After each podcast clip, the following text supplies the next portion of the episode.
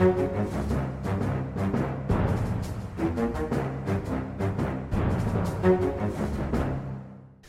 velkommen til en ny uke med Aftenpodden. Eh, Jeg er politisk journalist Lars Glomnes. Med meg her som vanlig kulturredaktør Sara Sørheim. Og uh, Lykke, vi har med oss eh, politisk redaktør Trine Eilertsen. Velkommen tilbake. Jo, takk. Takk tilbake fra de østerrikske alper, med alt som foregår der på den tiden av året. Vi er veldig glad for å ha Trine med oss. Vi var litt usikre. Eh, det må vi innrømme. Forrige innspilling av Aftenpotten snakket vi om at vi håpet å få deg helskinnet hjem, men helt sikre kunne vi jo ikke være, faktisk. For du har jo da vært på verdens hemmeligste sted, eh, på Bilderberg-seminaret, Mhm. der makttopper møtes for å styre verden og eh, sørge for at de rike alltid eh, forblir på toppen, Mhm. hvis man skal tro konspirasjonsteoretikerne. Du, kan du fortelle litt om hvordan det var? Om det var sånn det var? Uh, ja, altså, jeg, jeg, jeg dro Første motivasjon var fordi at jeg er nysgjerrig. Hva er det som foregår der? Jeg måtte jo uh, jeg hadde en sånn assosiasjon med en gang jeg hørte navnet, så tenkte jeg det der er noe dodgy greier, jeg må, jeg må lese om det. Og når jeg leste om det, så tenkte jeg ja, men jeg må jo ned og finne ut hva som foregår. Eh, så da dro jeg ned litt sånn spent på hva som skulle skje. Og det var jo en veldig sånn jeg vil nesten si traust konferanse. Det var det 13 tema, to innledere til hvert tema. Snakket i sånn ti minutter hver. Alle satt i samme sal. Ingen sånn parallellsesjoner. Alle var sammen hele tiden. Startet klokken åtte om morgenen, varte sånn syv om kvelden. Så jo, eh, ja, jeg har synspunkt på det. Det var altfor mye. Eh, og sånn fri diskusjon, da. Og så er det selvfølgelig det som skiller det, er jo sammensetningen av uh, klientellet, om du vil. Ja, for, det som jo er, eh, for de som ikke kjenner til denne veldig myteomspunne og hemmelige konferansen, så er det liksom, for journalister i hvert fall, så er dette pluss Illuminati-ordenen Ja. er liksom to sånne ting som man tenker at eh, enten så fins det ikke i virkeligheten, eller så er det der alt bestemmes. Ja, og det, det, er jo, det, er jo, det er jo spesielt. Det var to sittende statsministre der fra Nederland og Belgia. Det var sjefen i Norsk Hydro som inviterte meg, Per Rikard Brandtzæg. Hydro har holdt på med det i flere år. Eh, banksjefen for Santander, sjefen for AXA, Shell, Alcoa, Airbus, Ryanair, ikke minst. Michael O'Leary. Uh, og en del andre. Eh, Så ca. halvparten var jo sånn globale næringslivstopper. Og så var det en uh, ja, 25% cirka, som var sånn forskere, analytikere. Og så sånn, er det så egen gjeng av uh, analytikere og forskere som har en fortid i politikken, særlig amerikanske. da.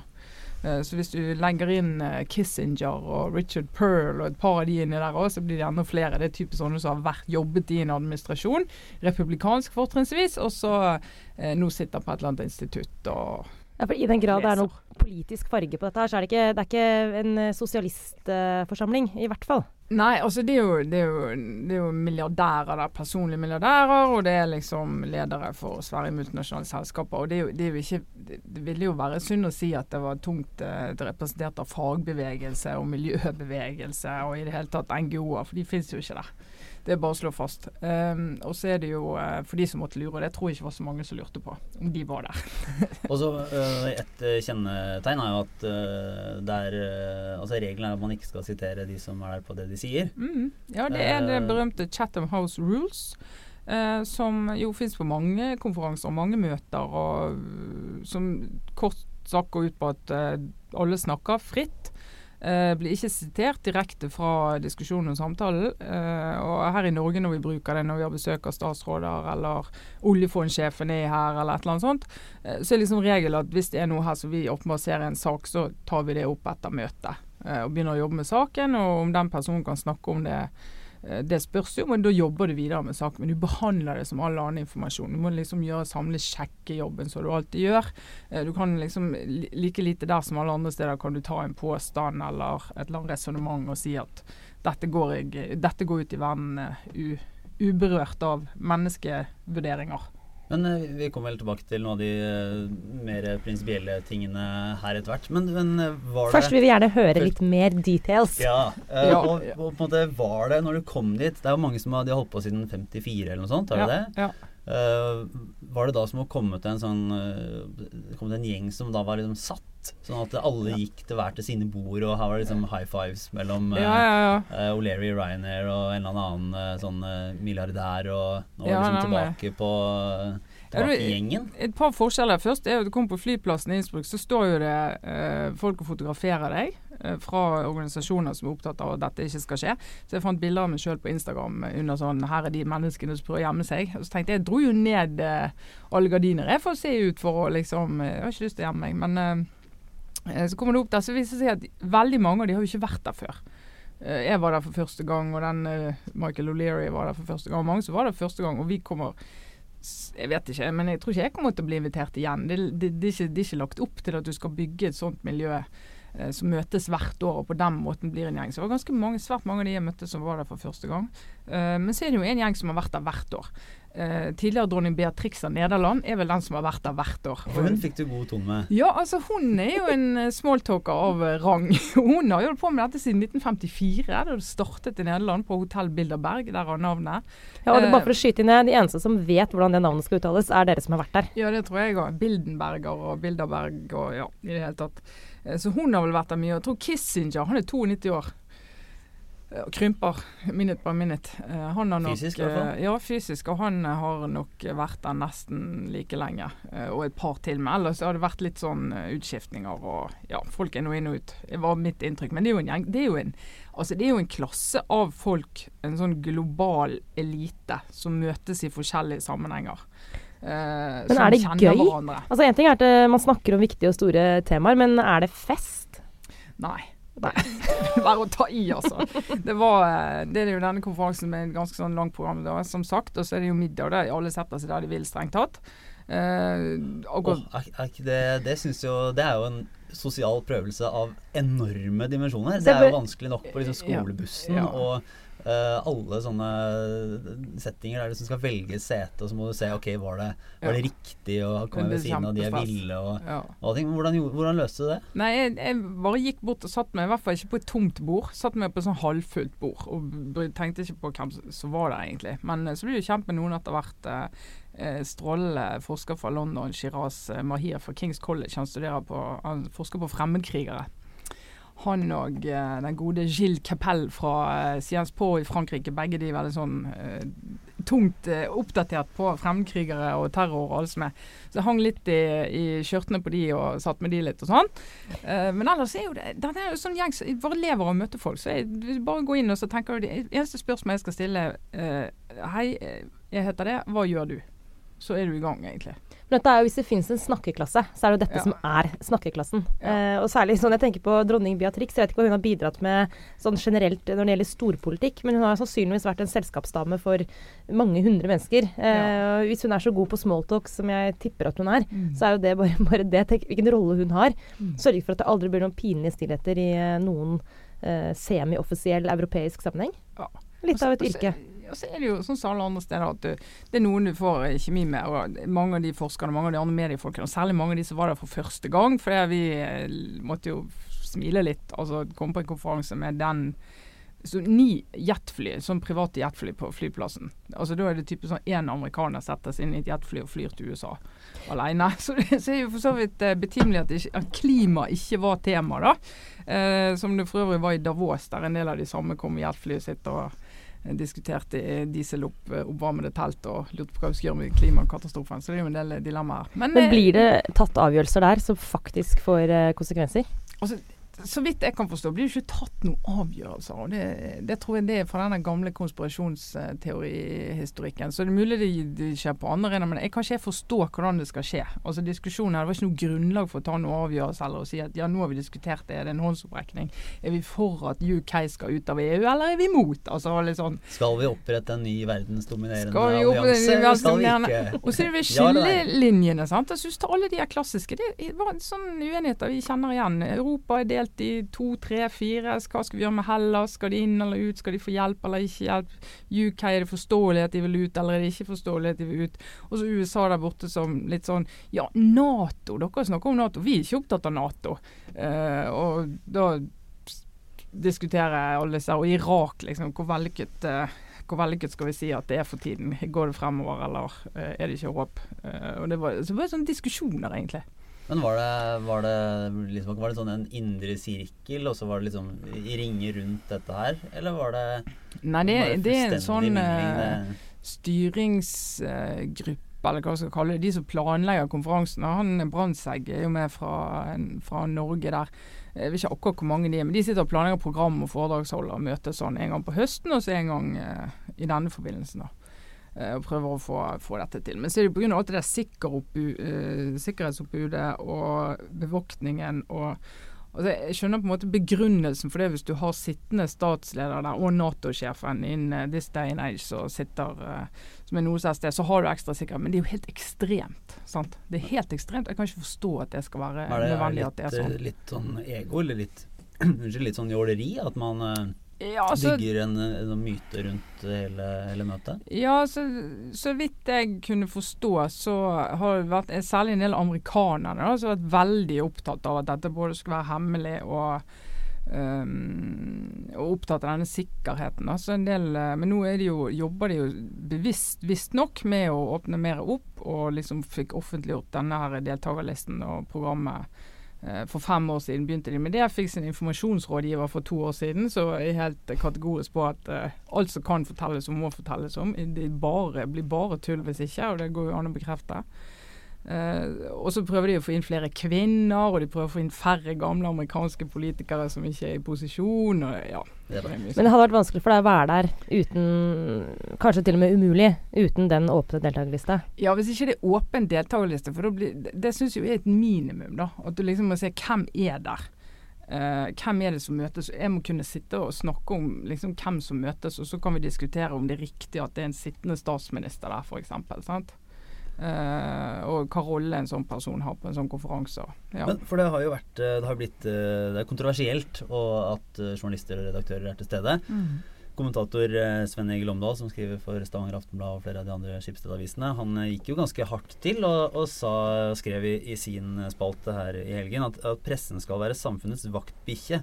Men det er bare å klø den bak øret, gi den litt god mat og ta den på fanget, så biter den ikke. Dette vet alle som har makt. Er du nå liksom, Er du blitt kua? ja, jeg syns, altså, jeg syns på pressens vegne syns akkurat den ingressen var litt uh, deprimerende. Den er jo morsom, for Svein Egil uh, skriver jo veldig morsomt. Det er jo på en måte hans uh, hans varemerke. At han er kanskje en av de beste skribentene eh, vi har eh, i Norge. Eh, skarp og morsom. Men akkurat det der er jo Da sier du jo egentlig at pressen er korrupt. Og, vi er lar oss korrumpere. Og det er liksom et, et glass kaldt hvitvin og et fint hotell og litt sånn Hvis du blir starstruck av å møte folk, så så har du på en måte gitt integriteten din på båten. Og det syns jeg eh, du, har jo, du, har jo svart eh, om det og kalt det vås. Jeg har kalt det vås, ja, i en diskusjon på Facebook. det har jeg gjort.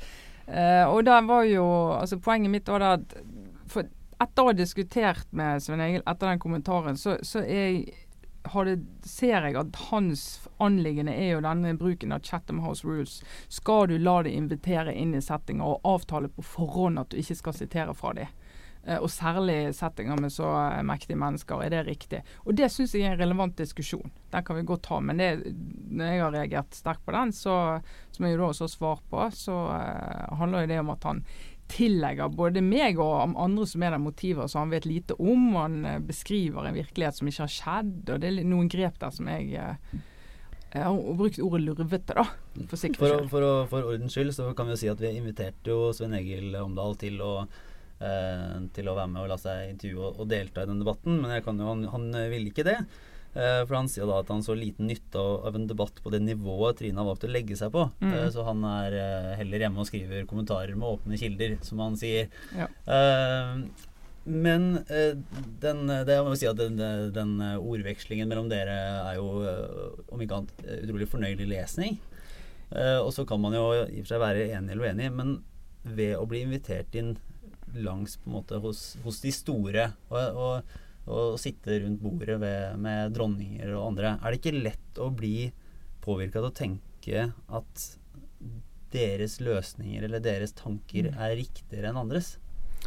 Ja, altså, på et side, Det er jo mer sånn generell utfordring for journalister, som jo eh, journalister Riktignok er vi altfor like, men de fleste av oss kommer i hvert fall noenlunde normale kår. Vi er liksom ikke vant til å omgås eh, eliten på den måten fra fødsel av, i hvert fall.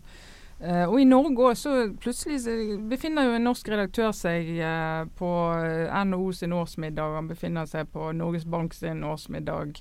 Eh, du er i en del eh, andre settinger hvor du ikke refererer, hvor du er en del av en diskusjon. Og hvis, hvis, du har det genet, på en måte, at du blir, kjenner at du blir forført av en person fordi de har en posisjon, da er jeg usikker på om journalistikken er stedet du skal være. Mm. Uh, for da har du ikke den uh, Kanskje Jeg vil jo heller tro at i hvert fall mange av oss, da, for å håpe, som kommer inn i sånne settinger, blir jo mer ekstra på vakt. Fordi vi vet de har så mye makt. altså En del mennesker i sånne settinger. Så når de sier noe, så vet du at det, det er ganske kortere vei fra at de sier noe og at det faktisk skjer, enn i mange andre arenaer der vi kan sitte og mene og ønske ting, men hvor ting egentlig ikke skjer, for vi har ikke makten til det. Men det er en interessant problemstilling, fordi det er jo egentlig hele grunnlaget for journalistikk. Eh, og det kan vi, og bør vi, diskutere hele tiden. Er, eh, hvor går grensa mellom hva du skal få vite, og hvor godt du skal kjenne folk, og hva du kan skrive. Mm. Men det er ikke noe tvil om at vi er hele tiden i settinger hvor vi eh, mer eller mindre åpent har avtalt at vi ikke skal sitere fra det som skjer. Det kan være alt fra å møte en eh, politiker man kjenner godt i kassa på Rimi som forteller et eller annet. Mm. En helt sånn ekstremt hverdagslig eh, ting. Men hvor det også ligger i kortene at eh, det som blir sagt over frysedisken, det går du ikke og skriver i avisen dagen etter. Mm. Det fins utrolig mange uformelle settinger hvor det ligger som en Uh, usagt avtale, at dette skal ikke siteres. Det spesielle er når du kommer da i settingen hvor det er på en måte helt sånn du nærmest må skrive under på en sånn avtale på forhånd. Mm, mm. Men prinsippet er egentlig det samme.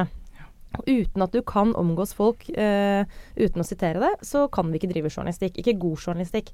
Det er mye mer uh, type mikrofonstativ-journalistikk. hvis alt må foregå med åpne mikrofoner hele tiden. Men kravet det stiller til oss, er at vi må være gode på akkurat de etiske vurderingene hele tiden. Eh, og så har jeg sans for Omdal som sier at eh, alt bør foregå med åpne kilder. Mm. Men i praksis så eh, er åpne kilder ofte kilder som også har en veldig sterk interesse av at du skal fortelle det budskapet de kommer med. Eh, hele problemet er jo at de sakene som folk ikke vil ha eh, frem i lyset, de får du som regel ikke av åpne kilder. Sant? Så vi snakker om selve kjernen i yrkesetikken mm. vår. Mm. Og der mener jeg altså at Omdal har en utrolig forenkla måte å beskrive det på. Eh, han også har masse samtaler han ikke refererer, og det er litt sånn eh, litt dårlig selvinnsikt. Eh, og, og, late som han ikke har det. Selv om han ikke er her for å forsvare seg, så, eh, så mener jeg at det er helt åpenbart for en erfaren journalist og redaktør at dette foregår i alle redaksjoner hele tiden. Så, er det sånn eh, som eh, jeg er blitt utfordret på, så er det helt riktig å, å bli utfordret på. det Hvis det kommer frem informasjon der så du mener er virkelig helt sånn eh, altså oppsiktsvekkende på en eller annen måte at en i en sentral posisjon eh, sier noe som virkelig har stor samfunnsbetydning, da, så må du på en måte fravike det. Og så må du gå ut, og om ikke du direkte får eh, ut at den personen har sagt det, så prøver du. Og hvis du ikke gjør det, så i siste instans så må du jo si det at, uh, som det er. sant? Eh, du kan ikke liksom sitte på enhver type informasjon. altså Satt på spissen hvis du møter en her som sier vi skal liksom styrte styrte regjeringen i Norge hvis det skulle vært noe sånt. Sant? Så sitter du ikke på det liksom sånn i, i det vide og det breie og lurer på når du får en åpen kilde på det. Sant? Altså Hvis dere faktisk ble enige om å skape en ny verdensorden, ja, eh, og ja, fikk med Nato-sjef Stoltenberg på å bevæpne ja. deres men, nye styrker, så måtte du ha sagt fra. Men det som er, det som er, mener, er det en del av journalistiske verdien her, da, det er jo å, å se hvem som kjenner hverandre. Uh, og det går jo fint an. Det har ikke med sitering å gjøre. Det går an å fortelle om og skrive om. Uh, se hvem som uh, liksom åpenbart har omgåttes mye. hvor de kommer fra, hva miljøer de kommer fra. Det har en verdi å vite det. Og En av de som var der, for å hoppe litt videre, en av de som var der var jo Jens Stoltenberg. Som var statsminister i år etter år, men aldri var med å vinne hovedstaden Oslo. Nei. Uh, og nå i lengre tid så har det sett ut som om uh, Jonas Gahr Støre og Raymond Johansen, som er byrådslederkandidat i Oslo, uh, har ligget meget godt an. Men Aftenposten har nå en Oslo-måling som viser et ordentlig ras for Arbeiderpartiet. Godt tilbake og Høyre fram. og Høyre er nå større enn Arbeiderpartiet i Oslo. Og Dette er en helt ny måling, kan vi legge til for lytterne. da, så ja. De har akkurat fått den inn. Og den kommer til å bli lagt ut eh, på Aftenposten i løpet av torsdag, eh, sannsynligvis. Ja, kommer i Papiravisen på fredag, og ja. uh, kommer antageligvis til å avstedkomme litt debatt om, om hva som er, er, veien videre der. Og Trine, du skriver vel om dette til Morgendagens Avis også? Hvordan ja, og til, til, jeg regner med kommentaren nå kommer ut i kveld torsdag. Eh, nei, altså det er jo eh, Arbeiderpartiet i Oslo hadde jo en liksom ridd på en bølge av Arbeiderpartiet Nasjonal sin opptur, ikke sant. Eh, Arbeiderpartiet Nasjonalt har jo sugd til seg og blitt liksom symbolet på all misnøye med den blå regjeringen. Det er jo ingen andre som har, har tjent på det enn de. Eh, og, og Arbeiderpartiet i Oslo har fått dragkraft av det. Og vi hadde en rekordmåling her eh, i vinter, i mars var det vel, eh, som vi nå ser de faller dramatisk fra. Og det skjer jo i takt med at Arbeiderpartiet nasjonalt har mistet fart og har mistet grep om 40-tallet. da. På, på, målingene, og så kan du spørre hvorfor det skjer. Men For Oslo Arbeiderparti er dette et skrell. Ja, fordi en ting er nå at eh, nasjonalt så har det jo vært eh, Alle har visst også langt inn i altså Alle i Arbeiderpartiet har også vært helt klar over ja, at det kunne ikke vare.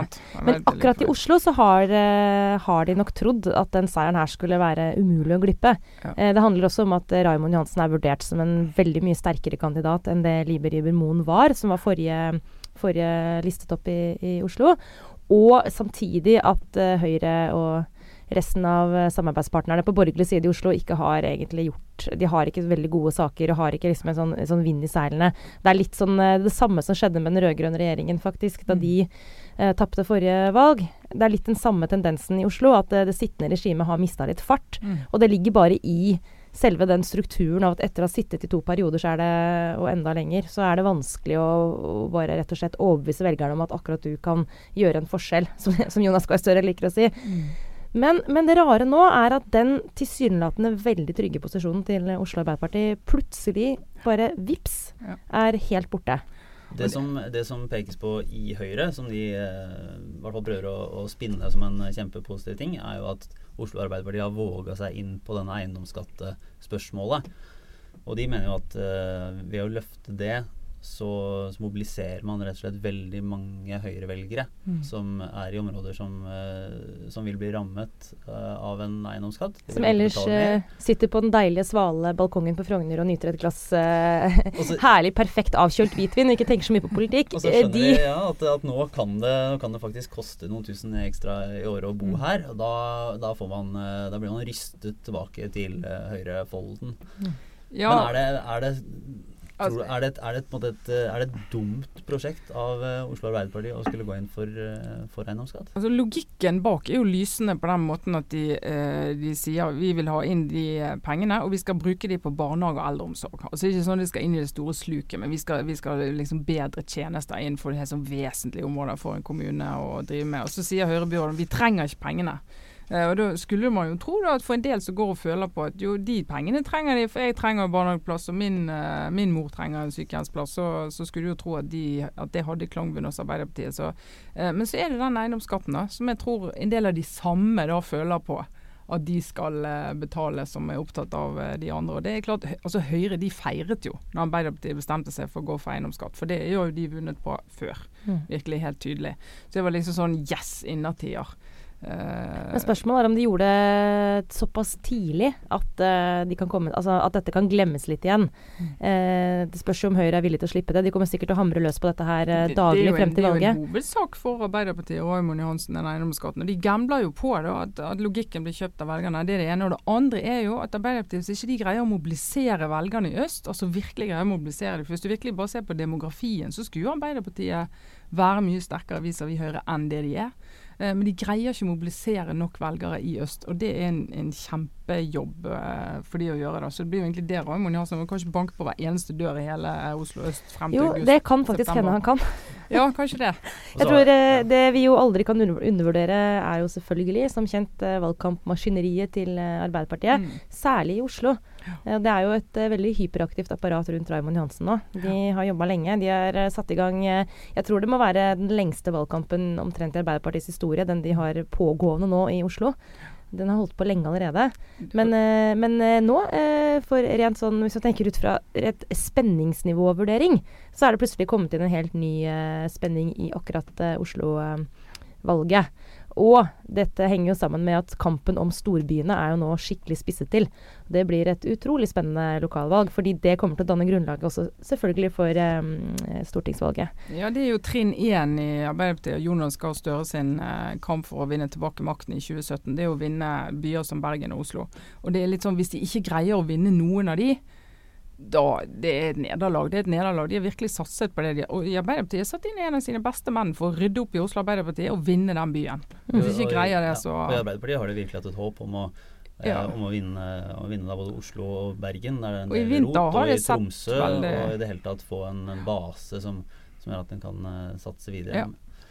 Bergen går ikke an å forholde seg til eh, akkurat nå. Da. Der er det jo helt uh, fullstendig kaos. Så tenker jeg at det, det er virkelig Der har jeg bare tenkt at uh, jeg som Oslo-boer forstår ikke hva som skjer i Bergen akkurat nå. Jeg forstår ikke Trude Drevland sin posisjon.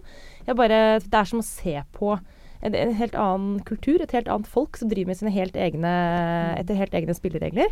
Men jeg antar jo at innen, altså etter sommerferien så vil kanskje forholdene i Bergen normalisere seg litt. Men nå er jeg, liksom- jeg har bare sånn foreløpig sånn eh, timeout på Bergen. Det er et mysterium. Jeg følger jo med, for det, det syns jeg jo at jeg skal og må og vil. Eh, men eh, du kan egentlig si Bergen er sykmeldt. Politiske Bergen er sykmeldt. Ja, det, det blir litt sånn. Altså, for det- jeg tror hele byen ble så satt ut av den pressekonferansen, eller eh, både pressen og politiske motstandere som hun hadde på mandag, som jo var legendariske 45 minutter. Eh, og, det, og det, De klarer ikke helt å I hvert fall opposisjonen er livredd for å bli tatt til inntekt for at de gjør politisk mynt, slår politisk mynt på den situasjonen. Så de tror de sitter helt i ro og bare håper hun skal bli frisk snart. For det er jo en litt vanskelig situasjon både for motstandere og, og media det når hun egentlig er sykemeldt, og så Mhm. dukker opp i 45 minutter og holder en pressekonferanse der hun går veldig langt inn i privatlivet og snakker om hvor vanskelig det er og, og hvilke problemer familien har, bl.a. Mm. at ektemannen skal sone i fengsel og, og i det hele tatt.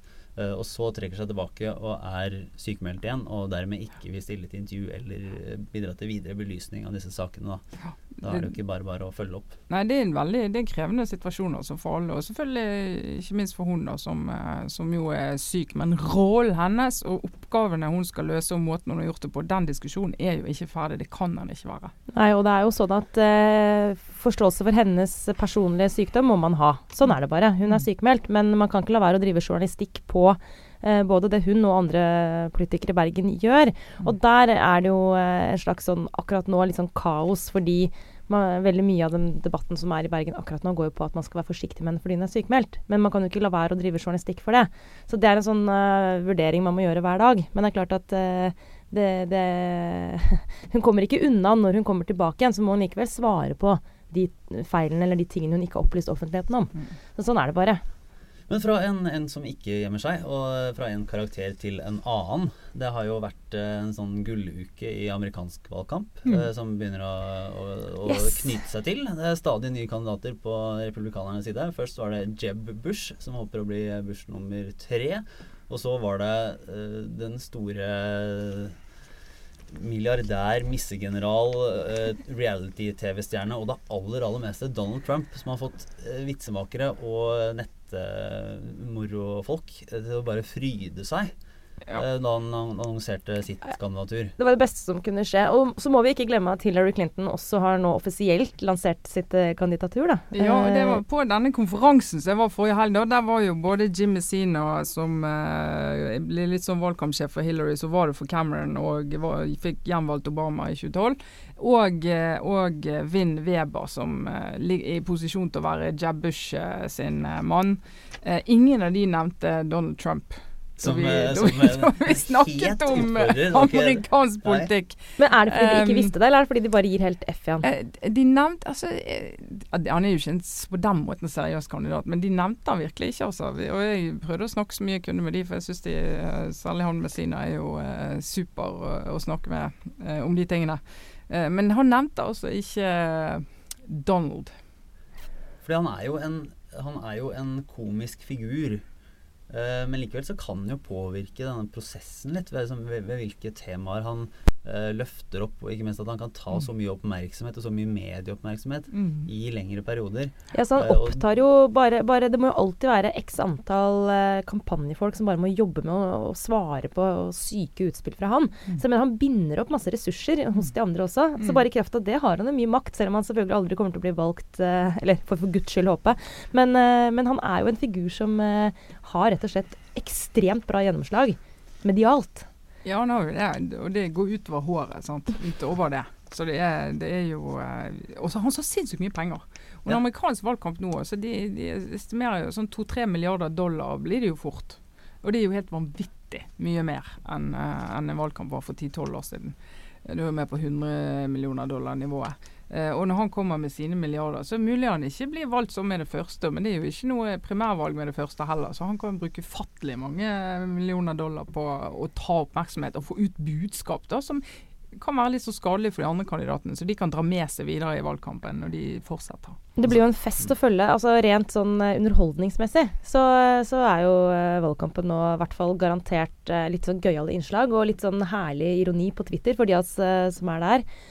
Og jeg tok meg selv i å savne lite grann en sånn karakter i norsk politikk. Eh, en sånn der som bare plutselig dukker opp og kaster om på alle spillereglene og, og dominerer helt fra liksom far out en norsk valgkamp. En, en som kan si sånn Uh, som han sa om Hillary If she can't satisfy her husband, how can she satisfy an entire nation?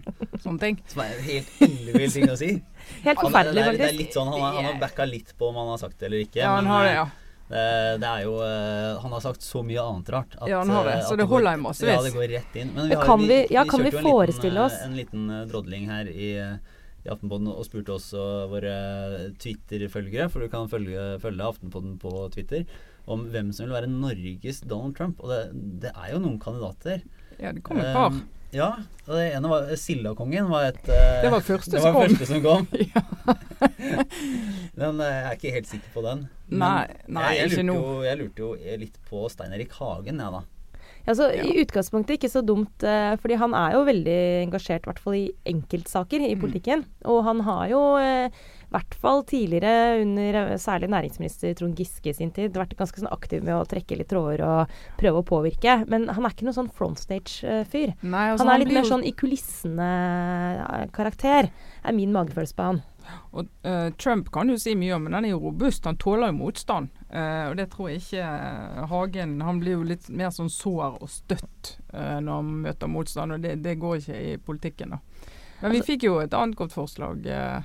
Ja. Så kanskje er vår favoritt.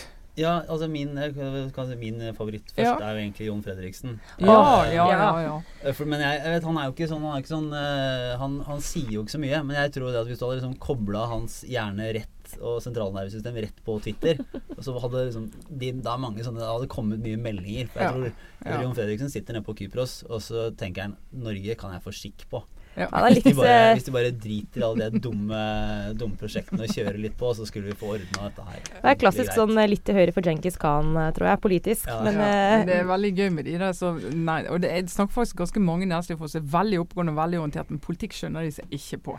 Og det, for det er litt sånn Nei, men det der må vi bare få orden på. Ok, du, men, ja. men altså, tenk hvis Jon Fredriksen slapp seg fri i norsk offentlighet, gikk hardt inn i politikken eh, og bare rett og slett prøvde alt han kunne å bli valgt som et eller annet. Ja. Det hadde jo ikke gått, sannsynligvis, men det hadde jo vært en fest. Det hadde det.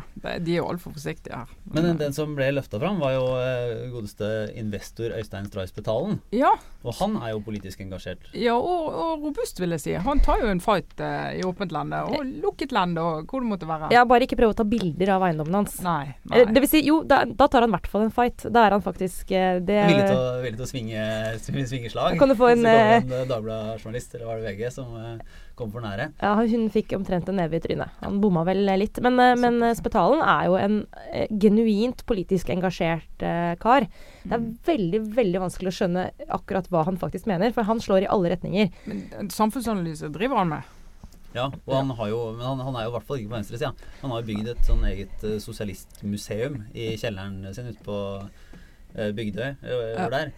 Der han viser fram uh, de på en måte elendigheten som sosialismen har brakt med seg. Og en kan jo si mye om det i og for seg. Men det er jo ikke hvem som helst som bygger et sånn lite Det er jo et statement. Ja. Det er jo det, det er en slags programerklæring, da. Ja. Det er det jo han er jo, hvis vi nå skal bevege oss langsomt uh, siden vi nærmer oss slutten, over i vår kjære spalte Gode, men ubekrefta rykter, så har jeg hørt at uh, Spetalen, som jo for mange av oss er en veldig sånn uh, Altså han er en næringslivsfyr som holder på med sitt.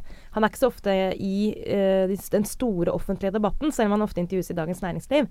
Men han er ganske godt connecta inn i styre og stell i Norge. Og eh, visstnok så han, eh, har han i perioder i alle fall vært relativt tett på kronprinsparet.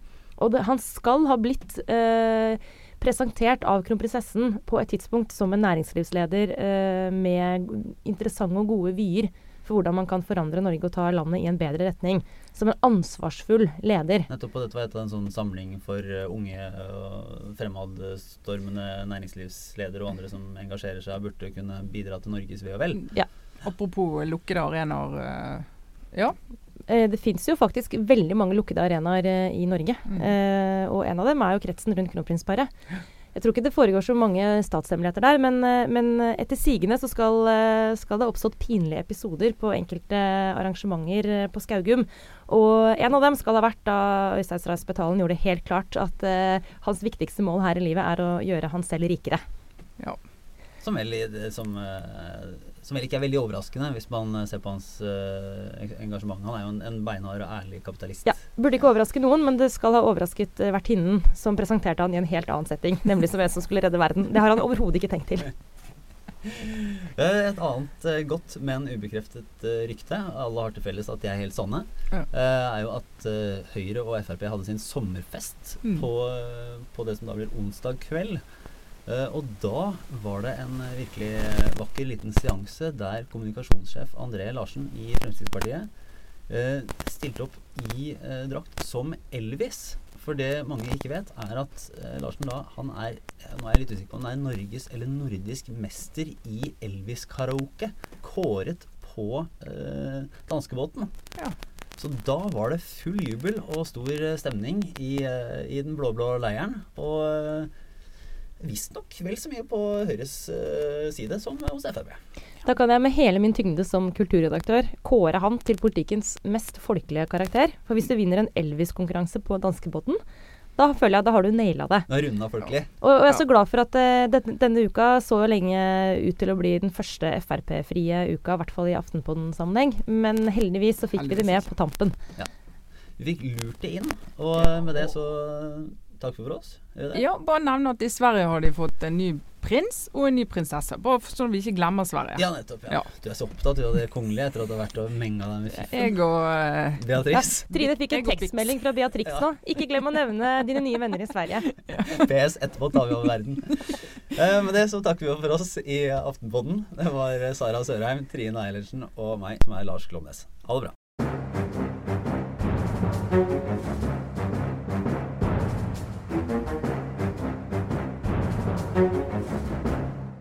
Ja, og så kan vi ta med en liten ekstra beskjed. Hvis du hørte på podkasten denne uken i iTunes, så kan du jo også gå inn og abonnere.